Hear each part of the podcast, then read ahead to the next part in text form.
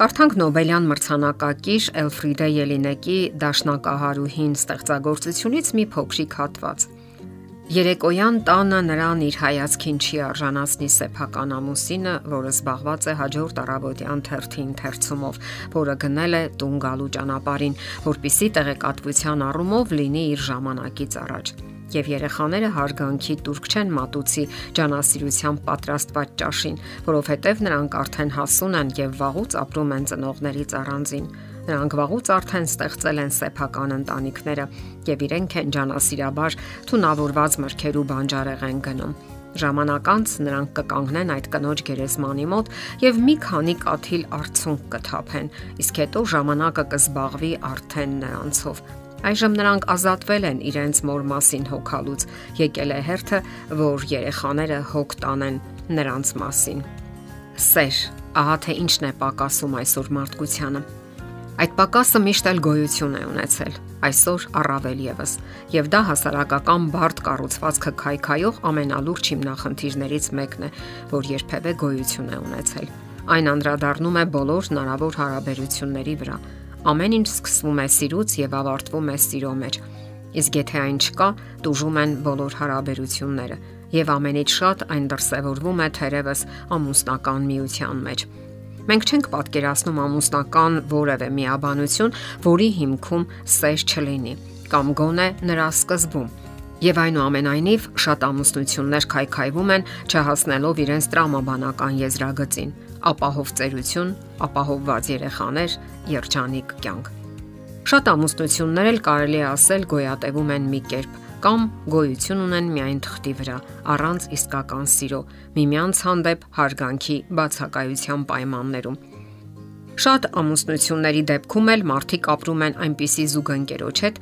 որոնք իրենց նվաստացնում են, քննադատում եւ նույնիսկ ձեռք բարձրացնում։ Ինչն է պատճառը, որ այդ մարդիկ շարունակում են ապրել մեկի կողքին, ով վաղուց դադարել է հարգել իրենց, ով դավաճանում է, հարվածում, նվաստացնում։ Ամերիկացի հայտնի հոկեբան Դեյվիդ Սելանին այսպես է անվանում այդպիսի մարդկանց՝ հասուն մարմին, սակայն մանկական պահանջմունքներով անznավորություններ։ Սիրո խանգարումները սկիզբ են առնում այն ժամանակ, երբ չեն բավարարվում մանկական պահանջմունքները, ինչի արդյունքում նրանք ճնշվում են, ձևափոխվում եւ խեղաթյուրվում։ Եվ արդյունքում աղավաղվում է մարդու եսը Այդ ժամանակ մարդը հասուն անznավորությունը, ով աններդաշնակ բնավորությամբ մուտք է գործում ամուսնական կյանք, իրեն դրսևորում է որպես ուշադրությունից զրկված անկառավարելի երեխա։ Նրանց կյանքի պատմությունը տխուր պատմություն է։ Այն լի է կൂട്ടակված հոգեկան վերքերով, մանր ոչ էական վիրավորանքներով եւ հիասթափություններով։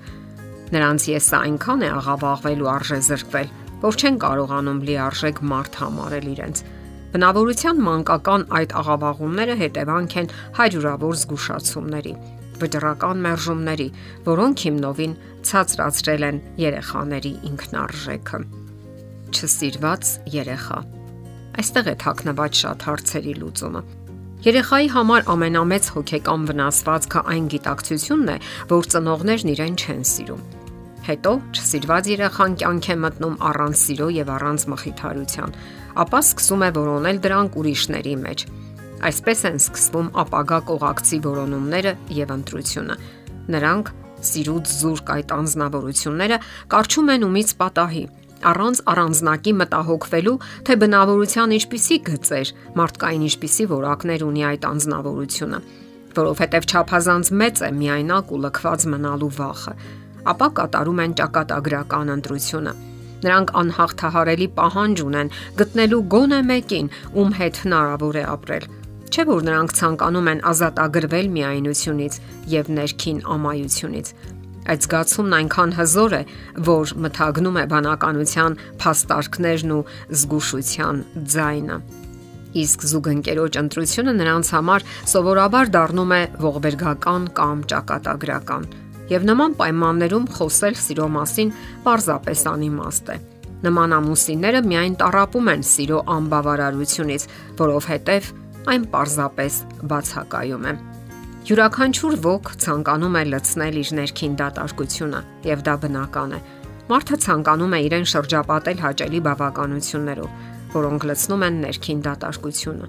Դա անհրաժեշտ է ոչ միայն երեխաներին, այլև մեծահասակներին։ Սակայն դրա փոխարեն նրանք ընտանիքում ստանում են միայն անուշադրություն, սիրո պակաս, ագրեսիա եւ նույնիսկ բռնություն։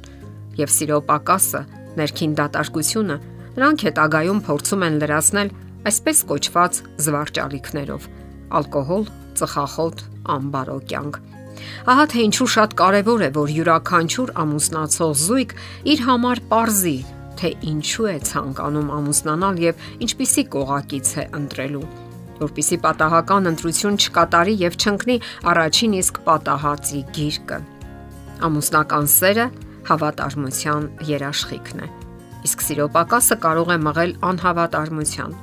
Ամուսինների միջև հասում բարեկամությունն անգամ երբեմն չի բացառում արգելված բնազդների արտնացումը, այլ մարդկանց հետ հարաբերությունների զարգացման ընթացքում։ Պարզապես հարկավոր է զգոն եւ ուշադիր լինել։ Եթե նույնիսկ կողակիցը ոչինչ չիմանա այն մասին, որ կողմնակի մեկը ներխուժել է իրենց ամուսնության մեջ, ապա դավաճանողն իր ողջ կյանքում խղճի խայտ եւ մեղավորության զգացում կունենա, եթե իհարկե նա ունի այդպիսիք իսկ ամուսնական միության սկզբունքներին դեմ գնալը միշտ էլ հղի է այնպիսի վտանգներով, որոնց մասին մենք նույնիսկ չենք էլ պատկերացնում։ Ավարտենք Կոկո Շանելի կարծիքով։ Ծերությունը չի պաշտպանում սիրուց, բայց սերը պաշտպանում է ծերանալուց։ Եթերում ընտանիք հաղորդաշարներ։ Ձեզ հետ է Գեղեցիկ Մարտիրոսյանը։ Հարցերի եւ առաջարկությունների համար զանգահարել 033 87 87 87 հեռախոսահամարով։